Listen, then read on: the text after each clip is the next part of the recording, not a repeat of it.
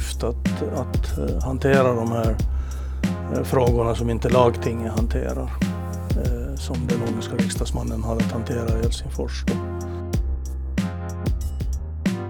Särskilt under den här senaste mandatperioden, den som nu tar slut, så, så har man ju fått notera att, att ledamoten har fått vara något av en vakthund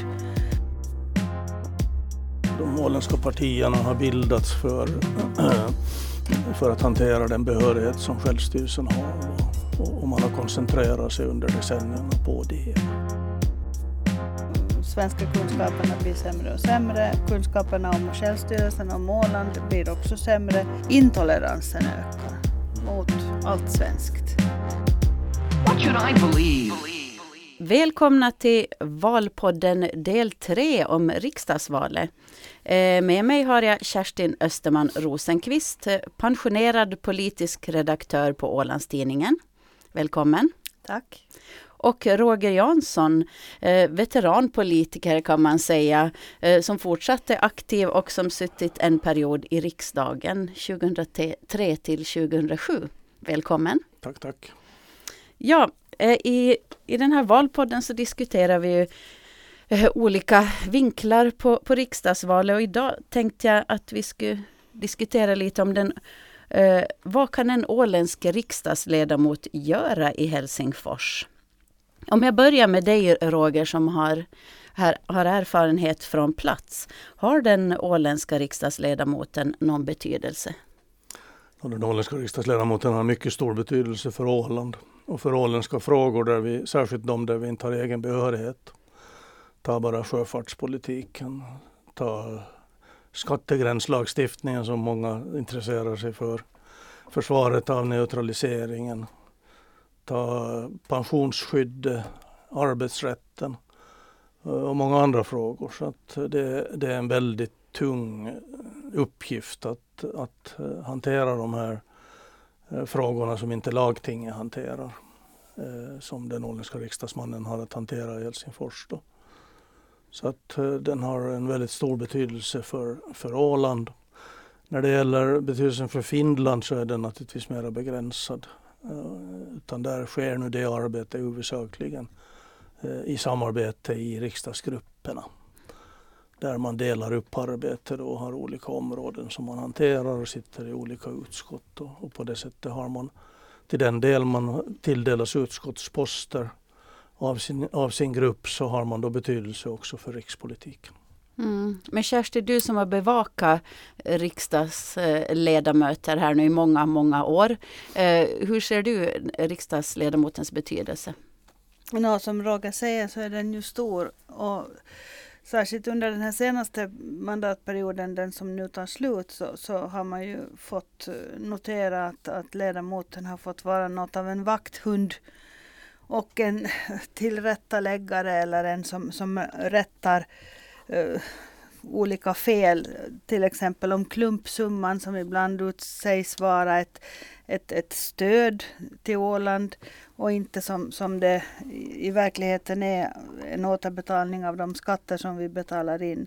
Och, och en vakthund just när det gäller sjöfarten, där har det ju också varit flera missförstånd eller, eller kanske till och med avsiktliga missförstånd om, om att sjöfarten får så mycket företagsstöd och, och, och sådant som, som ledamoten då har, har gått in och så att säga rättat. Men lyssnar folk på, på ålänningen? Förhoppningsvis. Nu har det ju det här med sjöfartsstödet det har ju, det har ju gällt, om jag kommer rätt ihåg, mest det som har skrivits i media. Där har han ju kommit med, med insändare och blivit intervjuad också och liksom fått förklara hur det nu egentligen förhåller sig. Och samma sak med klumpsumman då att, att, att det är ju våra pengar som betalas till, alltså skattepengar som betalas tillbaka till Åland för att få det här samhället att rulla. Att, att där är det nu väl frågan om om man vill lyssna sen. Mm. En del kanske lyssnar mer än andra och en del vill inte lyssna alls. För mm. de har en bestämd uppfattning om att Åland ska inte ha några pengar. Men Roger, när du satt, eller efter att du hade suttit i riksdagen, du var inte så nöjd med den där tiden. Jag vet att du uttryckte dig att det var fyra bortkastade år. Hur upplevde du att, att samarbete med de andra grupperna och ledamöterna funkar? Det tror jag inte att jag har sagt att jag kallade fyra bortkastade år. Men däremot var det fyra väldigt tunga år. Av det skälet att man inte bara är riksdagsledamot utan man ska dessutom fungera som åländsk ambassadör i Helsingfors och hantera förhållandet till ministerierna. Och alldeles särskilt till de väsentliga ministeriernas chefstjänstemän. Så ska man hålla, hålla kontakt med och vara både i de frågor som, som inte är åländsk behörighet och i de frågor som är åländsk behörighet. Där ska man i de senare vara landskapsregeringens förlängda arm. Och eh, som du vet så, pågår, så förs igår nästan allt lagstiftningsarbete i Helsingfors på finska. Jag blev tillsagd i ett tidigt skede när jag klagade på, på, på tvåspråkigheten i riksdagen hos Paavo Lipponen och, och eh, generalsekreterare Seppo Tiittinen att eh, Roger redan 1906 bestämdes att Finlands riksdag, det hette lantdagen på den tiden, arbetsspråket ska vara finska. Så då förstår jag att det finns ingenting att, att förbättra där.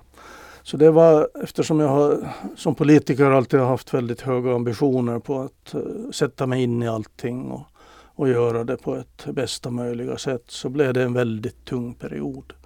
Detta att dels jobba, jobba nästan huvudsakligen då på, på finska med lagstiftning och dessutom då sköta alla dessa uppgifter som var. Jag räknade ut någon gång att om jag skulle läsa allt material jag som riksdagsledamot fick som hörde till själva jobbet så skulle jag hinna, om jag bara, om jag bara läser, eh, hinna med 20 procent ungefär av det. Mm. Så du förstår att den här arbetsvolymen är enorm och då jobbar jag ju ändå en 16 timmar i, i dygnet med, med, med riksdagsuppdraget. Och så. Så, så det, det, var en känsla av otillfredsställelse helt enkelt. Mm. Och det är finskan då som var den stora stötestenen? Nej, det var arbetsvolymen som var ja. den största, största stötestenen. Att kunna i alla dessa enorma mängder med, med, med, papper på huvudsakligen finska som kom leta de åländska intressena i det och få reda på det när man var ensam från Åland så var det extra jobbigt naturligtvis. Men vi, lyckligtvis så är vi människor olika. Andra kan ta lite lättare på det här och inte, inte kanske li, lida så mycket av det. Men kom det som en överraskning för dig att det var så här? Nej, det vill jag väl inte säga. Men, sådär inte totalt sett, men när det gäller, när det gäller detaljerna och, och volymen. Både när det gäller att sitta i grundlagsutskottet och lyssna på professorer från olika delar av av landet som satt i en soffa där och mumlade på, på savvo, eh, olika finska eh, dialekter va, så, var ofta, så var ju väldigt jobbigt så man var alldeles urlakad när man kom hem på, på kvällarna. Ja, ett tungt jobb. Men eh, Kerstin, hur, hur liksom man som journalist, hur mycket bevakar, bevakar du vad riksdagsledamoten arbetar med? Ganska mycket, men eh, säkert inte alls tillräckligt. Nog är det ju kanske mera hemmapolitiken här som, eller det är mera den som, som man bevakar. Men vi försökte ju, det var ju inte bara jag. Och många av de, både den nuvarande och tidigare, har ju eh, sänt ut pressmeddelanden också. Och sen följer, jag är ju sån här som lever och äter politik eh, nästan så, så man följer ju med vad som händer i landet också, alltså inrikespolitiskt och, och har väl ändå haft en hygglig förmåga att snappa upp vad som kan vara intressant för Åland. Så visst försökte jag så gott jag nu kunde. Mm. Eh, eh, jag fortsätter fråga dig Kerstin. Vilka, vilka är det viktigt att samarbeta med i riksdagen? säkert med alla. Eh, framförallt förstås i den grupp som man nu då väljer att sitta med i och det har väl av hävd varit Svenska riksdagsgruppen, alltså Svenska folkpartiet och Ålands riksdagsledamot tillsammans bildar Svenska riksdagsgruppen. Eh, men, men det är självklart så att, att den åländska riksdagsledamoten också ska ha ett gott förhållande till regeringen oberoende av vilka partier som nu sitter där. Eftersom och då menar du alltså riksregeringen? Riksregeringen, ja. Finlands mm. regering, mm. regeringen i Helsingfors. Det är mycket viktigt att man har ett gott förhållande till ministrarna där och har en helst en, en direkt eh, kommunikation med statsministern med de övriga ministrarna som är viktiga. Finansministeriet inte minst. Eh, Roger, det var Paavo Lipponen som var statsminister under din tid, var det så? Jo. Jo, hur, hur upplevde du att samarbete med, med Nej, det var regeringen? Inte, nej, nej, ursäkta, han var, han var talman. Han, Talman, just det var det. alltså en centerledd regering. Eh, För, först Jätenmäki och, och sedan vann han. just det. Ja. Men hur upplevde du att, att samarbete med regeringen fungerar för din del? Nå, det, det är ju en jätteskillnad om den grupp man tillhör sitter med i regeringen eller inte. Eh, och jag och mina, de flesta av mina företrädare har, har suttit i, i, i riksdagen när den egna gruppen har suttit i regeringen, alltså svenska riksdagsgruppen. Och då har man direkt kanaler till regeringen och kan, kan påverka på ett helt annat sätt än när man, när man är i opposition. Eller när ens grupp är i opposition. Och därför är det så särskilt viktigt att, som Kerstin var inne på, att man, man har förmågan att samarbeta med, med alla. Och att i princip stödja regeringen så som princip. Men det betyder inte att man behöver göra det i alla frågor. Så det är alldeles särskilt viktigt att även när man sitter i en oppositionsgrupp så ska man ha ett väldigt gott förhållande till regeringen och dess ministrar. Men jag understryker igen att ministeriernas ledande tjänstemän har en väldigt tung roll i Helsingfors. Och de är ofta mera politiker än vad politikerna själva är och har en, en, en politisk tyngd. Kerstin nämnde finansministeriet till exempel. Kanslichefen där har alltid haft en, en, en större makt nästan, har det känts som, än vad, eh, än vad regeringen och, och finansministern har haft. Men hur är det då Roger när man ska eh, knyta eh, kontakter i Helsingfors? Vi har haft en sån här bastukultur kallas det, att man badar bastu och knyter kontakter. Var det någonting som du upplevde där? Och det kan vi säga att, eh, eh, kanske jag säger som så att jag för Ålands del avslutar den. Eftersom hälften av, av riksdagsledamöterna är, är ju, var ju och är ju kvinnor.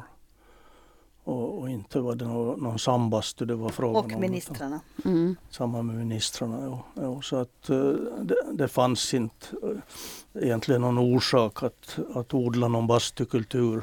De gubbar som gick i bastun var inte, i riksdagsbastun var inte heller de tyngsta politikerna.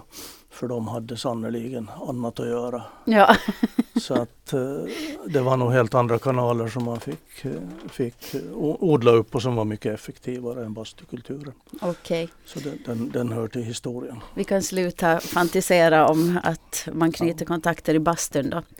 Eh, vi har redan varit inne på vilka svårigheter som, som finns för, för ålänningen i riksdagen. Det var just främst språket då. Eh, finns det några andra svårigheter Kerstin som du ser för en ensam åländsk ledamot i riksdagen? Mm. Jo, det tror jag. Jag har upplevt under mina 33 år som journalist att okunskapen om Åland i Finland har ökat markant. Åtminstone är det den känslan jag har. Och särskilt under den här senaste perioden så tycker jag att, att ointresset, till och med fientligheten mot allt svenskspråkigt, alltså mot finlandssvenskarna och mot Åland har blivit större.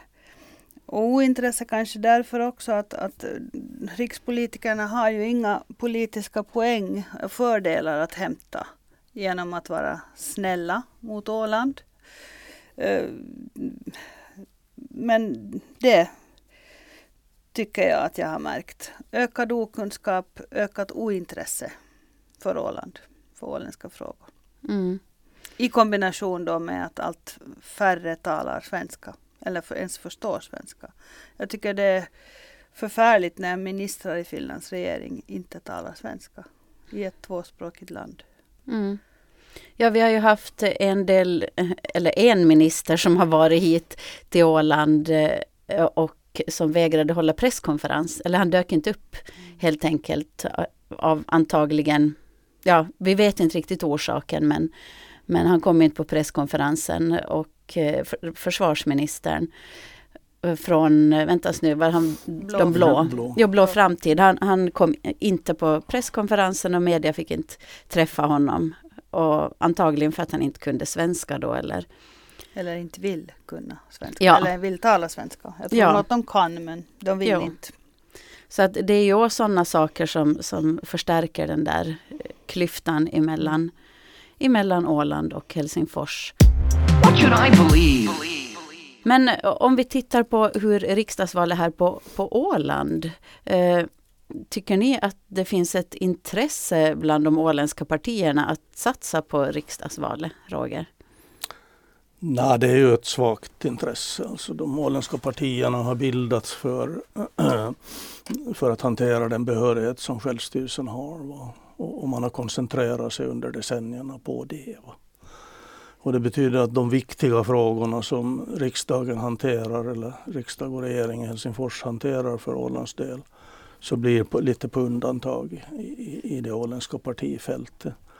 Jag nämnde tidigare många av de här eh, tunga, tunga frågorna. Ta bara ytterligare en sån sak som Östersjöns miljö och statsbeskattningen av enskilda och företag och, och, och mervärdesskatten och så vidare.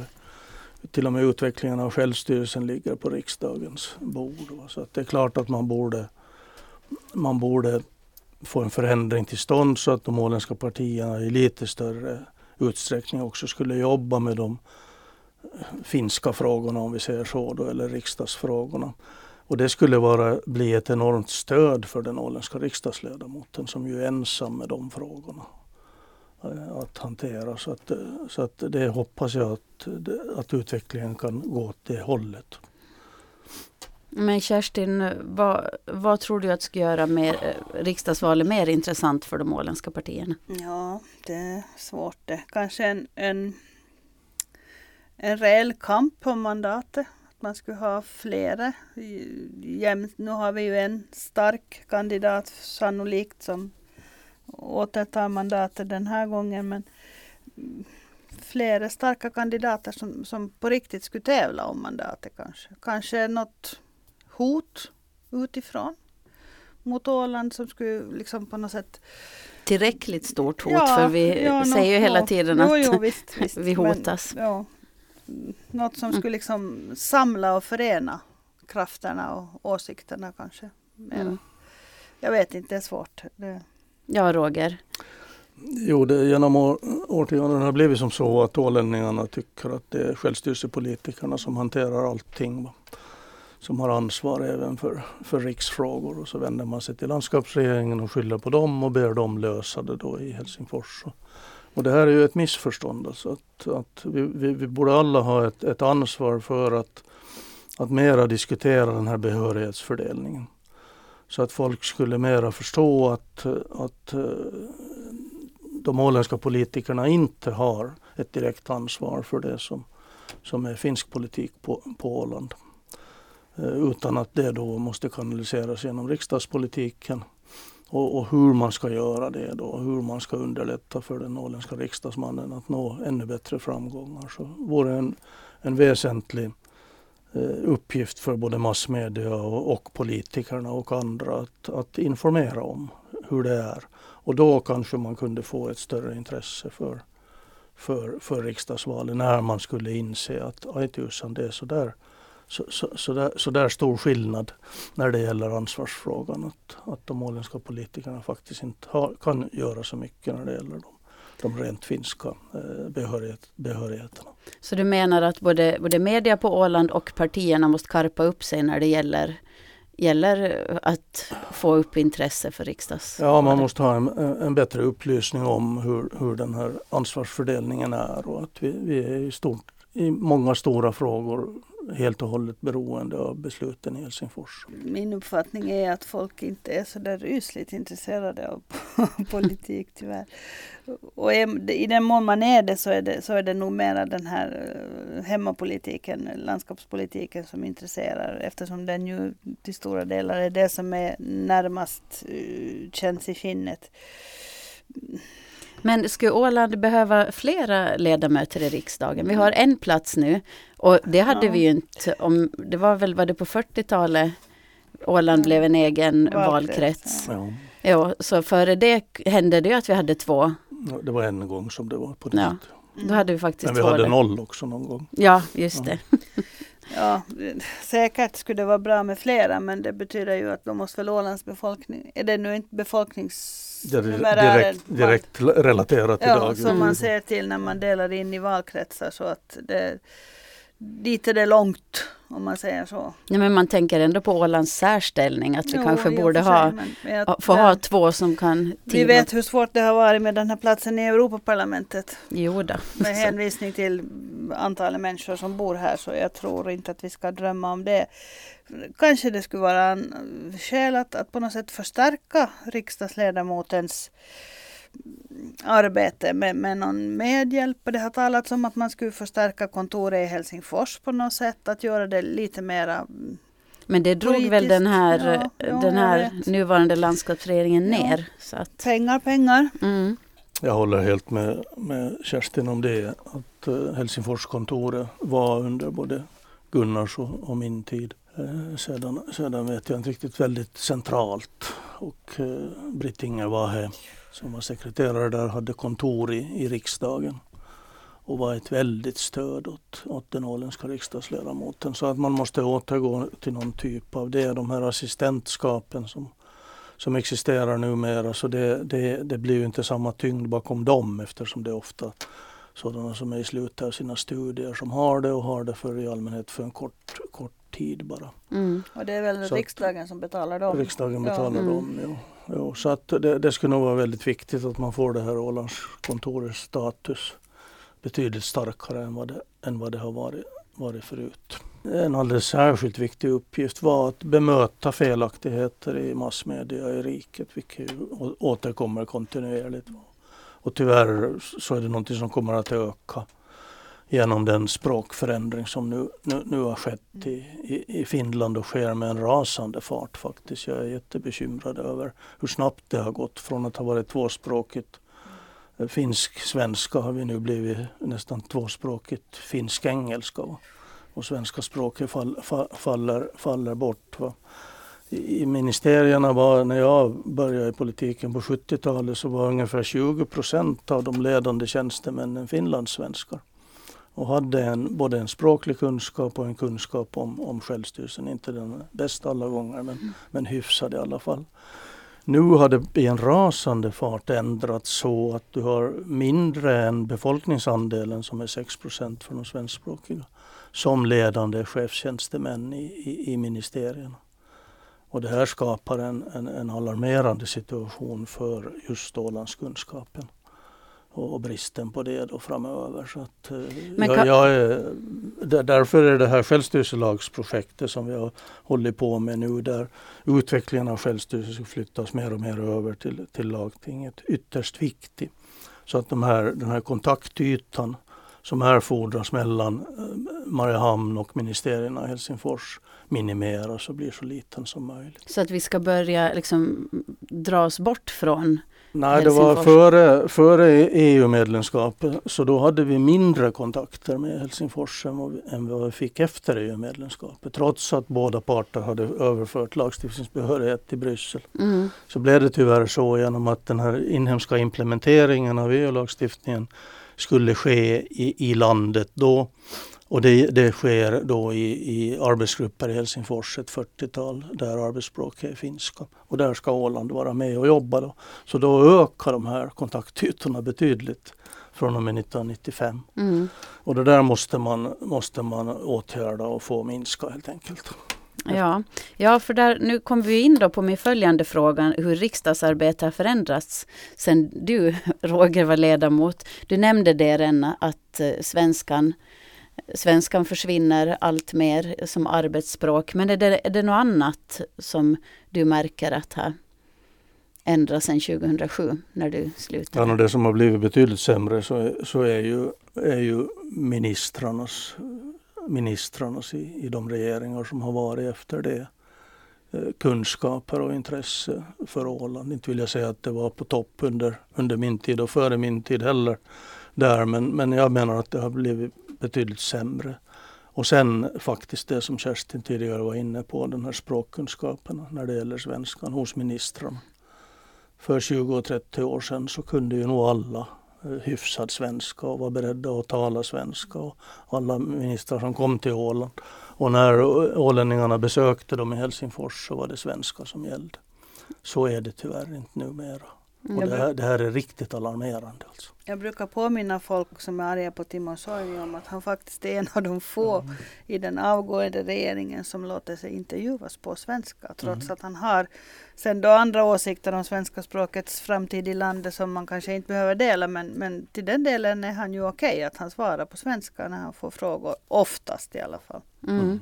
Ja, Kerstin, har du sett några stora förändringar i riksdagsarbete under din tid? Ja, det var nu det som Roger var inne på. Mm, Svenska kunskaperna blir sämre och sämre. Mm, Kunskaperna om självstyrelsen och om Åland blir också sämre. Intoleransen ökar, tycker jag, Mm. mot allt svenskt. Det påverkar ju också Åland om, när, när och om svenskan i Finland får det sämre. Alltså både i skolor och, och bland tjänstemän och politiker. Så, så visst påverkar det ju oss. What should I believe? Vilken är den bästa regeringskonstellationen för Ålands del? Socialdemokrater, Svenska folkpartiet och sen måste det ju vara något annat stort parti till. Och jag antar att Roger kommer att säga Samlingspartiet så jag säger väl Centern för att vi inte ska vara alltför lika. Och kanske de gröna. Mm. Både Centern och Samlingspartiet har utvecklats i en ytterligare nationalistisk riktning. Vilket är bekymmersamt och den här sista periodens stora reformer som Sipilä har försökt eh, genomdriva visar på en, en dålig demokratisk känsla eh, som gör att man kan vara bekymrad för, för, för bägges insatser i en kommande, eh, i en kommande regering. Så att också för mig så är, är, är Socialdemokraterna som troligen blir störst då, eller ganska säkert blir störst, så blir ett statsministerparti och det vore absolut nödvändigt att Svenska folkpartiet, inte minst för Ålen, ur Ålens synpunkt, skulle, skulle få plats i, i regeringen också. Helst med två ministrar därför att sitta där med en minister så, så försvagar den personen väldigt mycket. Att det skulle vara jätteviktigt att de kan få två ministrar. Och sedan då ur Ålens synpunkt det som är det, det kanske nästan viktigaste oberoende om, om svenska riksdagsgruppen blir i regering eller inte så är skrivningarna i regeringsprogrammet. Därför det har utvecklats under 2000-talet särskilt så att det som inte står i regeringsprogrammet det görs inte. Så det lönar sig inte att komma in med, med, med större förändringar efter att regeringen har, har bildats. Eh, utan en förutsättning är att det finns i regeringsprogrammet. Också Ålandspolitiken bör finnas med där. Då. Så att nu måste de åländska partierna jobba med det tillsammans med sittande riksdagsledamot. Okej, där hör ni som lyssnar. Här får ni råd från Roger Jansson, veteranpolitiker med erfarenhet som riksdagsledamot och Kerstin Österman Rosenqvist, pensionerad politisk redaktör på Ålandstidningen. Tack så mycket att ni kom. Tack, tack. Tack, tack. Who's right? What's right? What should I believe? I've listened to everybody on TV and radio, but I'm still confused.